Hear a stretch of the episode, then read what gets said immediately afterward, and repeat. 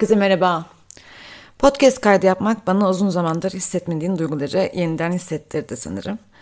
Uzun zaman sonra bir işi yapmaktan bu kadar keyif aldım. Ama bunun yanında tabii kalabalık dinleyici kitlemin ki yaklaşık 3 kişi oluyor o kitle.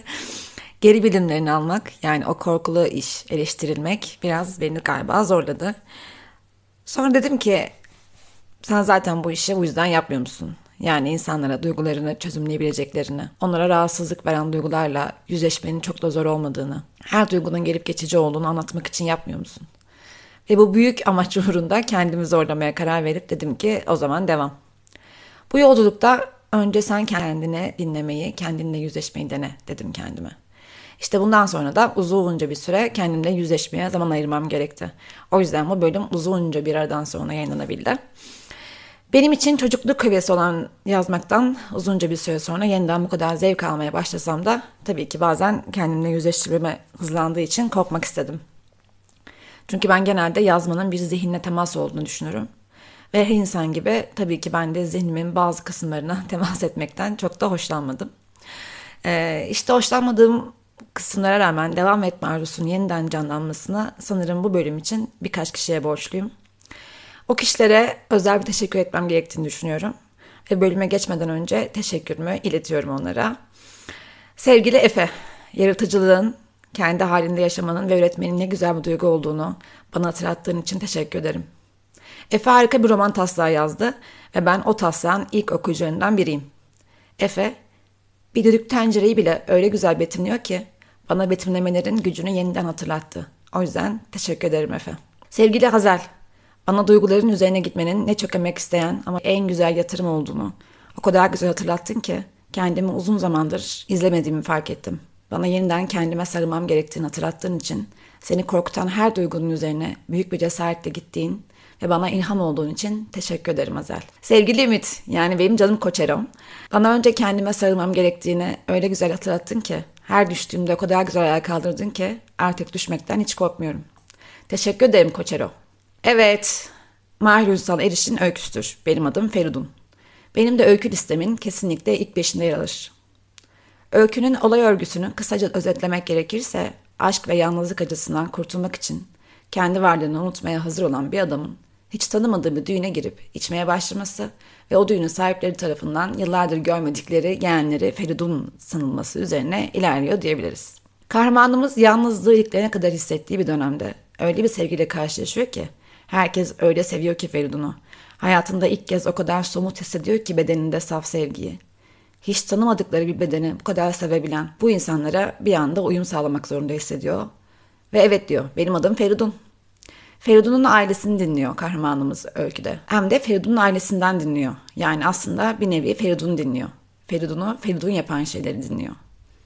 Kahramanımız öykünün sonunda kendi varlığına hissetmediği yakınlığı Feridun'un varlığına o kadar iyi hissediyor ki benim adım bundan böyle Feridun diye veriyor. Bu baktığımızda çok basit olan hikayeden benim kadar eskenen başkaları da olmalı ki filmi bile yapılmış bu öykünün. Filmdeki senaryoda kahramanımız aşk acısına evrelere ayırıp tanımlar yapıyor. Ama bence sadece aşk acısının değil, kalbimize keskin bir jilet değmiş gibi yırtıp atan tüm acılarımıza uygun bir tanım yapılmalı artık. Acı ile tanışma evresi anlatılmalı mesela. Çünkü Feridun'un da söylediği gibi bu evre en fenası, en zoru.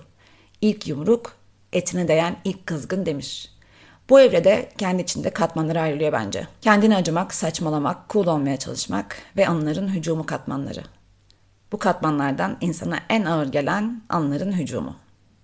Çünkü tam orada insana ağır bir tokat çarpıyor sanki. Hemen ardından dram geliyor bunun.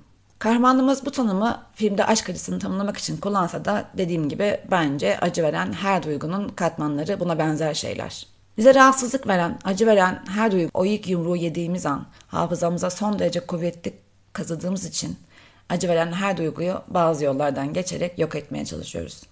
Bazen başarılı oluyoruz, bazen de başarılı olduğumuzu sanıyoruz.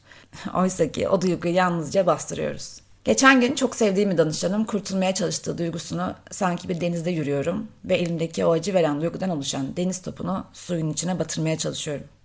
Ama başaramıyorum. Her seferinde suyun üzerine tekrar çıkıyor diye betimledi. Sanırım daha iyi de betimlenemezdi. Evet bu duygudan hep kurtulmaya çalışırız. Onların varlığından hep rahatsızlık duyup kafamızı başka yere çevirmeye çalışırız. Ama en olmadık anda yine şak diye çıkar karşımıza. Bazılarımız kafasını başka yere çevirme konusunda daha iyidir.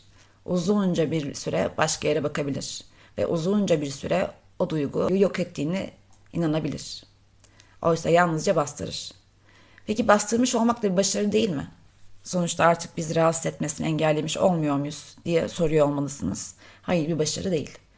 Çünkü bastırdığımız ve unutmaya çalıştığımız her duygu bir gün mutlaka yeniden gözümüzün tam içine bakacaktır. Ve kafamızı çevirecek yerimiz kalmayacaktır. İşte bu yüzden psikoloji bilimine inanmak ve kendimizi bir terapistin tokat gibi çarpan sorularıyla bir an önce baş başa bırakmalıyız bence. Bunu yapacak imkanımız ya da bilme inancımız yoksa o zaman ne yapacağız diye soruyorsanız hemen ona gelelim. Bence ilk hamleyi kendi zihninize karşı siz yaptığınızda yani o duygudan kaçmayı bırakıp bu sefer siz onun karşısına dikildiğinizde her şey daha kolay oluyor. Evet biraz sancılı ve acılı bir yol. Sonuçta kalbinize bir jilet değmiş gibi kalbinizi yırtıp atan tüm anları kabul etmeniz gerekiyor bunu yapmak için. Evet ben bunu yaşadım ve bu bana çok şey öğretti diyebilmeniz gerekiyor yani. Yani acıdan çok acıdan kalanları izlemeye başlamanız gerekiyor. Peki bunu nasıl mı yapacağız? Önce bizi en çok zorlayan, kalbimizde paslı bir tat bırakan o düşünceyi bulacağız. Kafamızın içinde en çok tekrarlayan o cümleyi bulacağız. Yaptığın hiçbir işte iyi değilsin cümlesi olabilir mesela bu.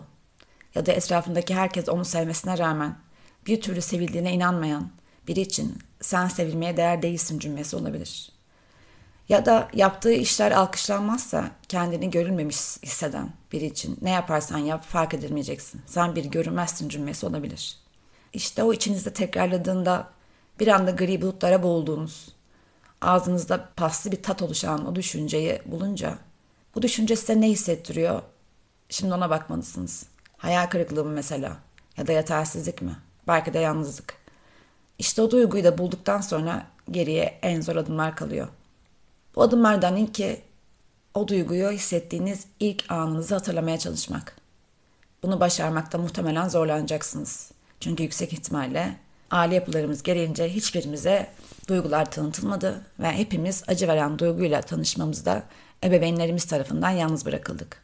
Belki de yalnızlık duygusu hepimize aile yadigarı olduğu için en temel ve en korkulan duygulardan biridir. Kim bilir?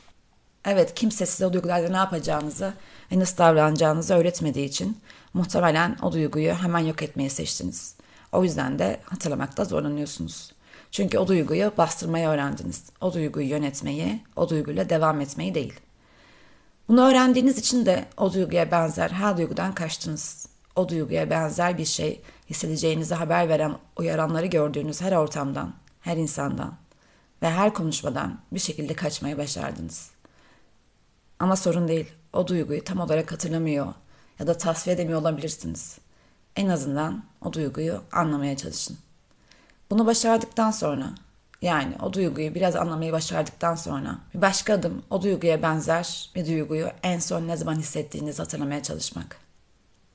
Şimdi zihninizde artık iki sahne var. Birinci sahne o duyguyla ilk tanıştırıldığınız an. İkinci sahne ise o duyguyla son karşılaşmanız. İşte o ikinci sahne bir fotoğraf gibi karşınızda olsa, dışarıdan bakınca ne görürsünüz kendi gözlerinizin içine? Geçenlerde bir konuşma sırasında bir arkadaşım sana gözünü dikenin gözünün içine bakmak gerekir dedi. Bu cümle bence insanın kendisini anlaması için gereken cesareti anlatmak için mükemmel bir cümle. İnsanın kendini tanıma yolculuğu gerçek bir cesaret isteyen bir yolculuk çünkü. Ve öyle bildiğimiz bir cesaret değil. Zaman zaman kendimizden koşarak kaçmak isteyeceğimiz, zaman zaman başka biri olmak, maskeler ardına saklanmak isteyeceğimiz bir yola girmenin cesareti. İnsanın tanımaktan en çok korktuğu kişi kendi bence çünkü. En zoru kendi ormanlarında kaybolmaktır. O yüzden bu cesareti gösterin. Siz de sizin iyi olmanıza gözünü diken o duygunun karşısına geçin ve tam içine bakın. Bunu başarabildiğinizde artık yeni biri olma yoluna girdiniz demektir. Yani sizden bağımsız başınıza gelen her şeyi geride bırakıp tüm sorumluluğunuzu kendi üzerinize almayı başardınız demektir. Kendinizden yeni bir siz doğurma yoluna girdiniz demektir. Kim bilir belki yeni hayatınızda, yeni adınızda Feridun olur. Kendi ormanlarınızdan korkmayın. Belki de pembe bir ormandır bu. Binin bir kaplanın sırtına ve dalın şu pembe ormana deyip Melike Şahin ve Aras Levni'den bir şarkıyla bitiriyorum.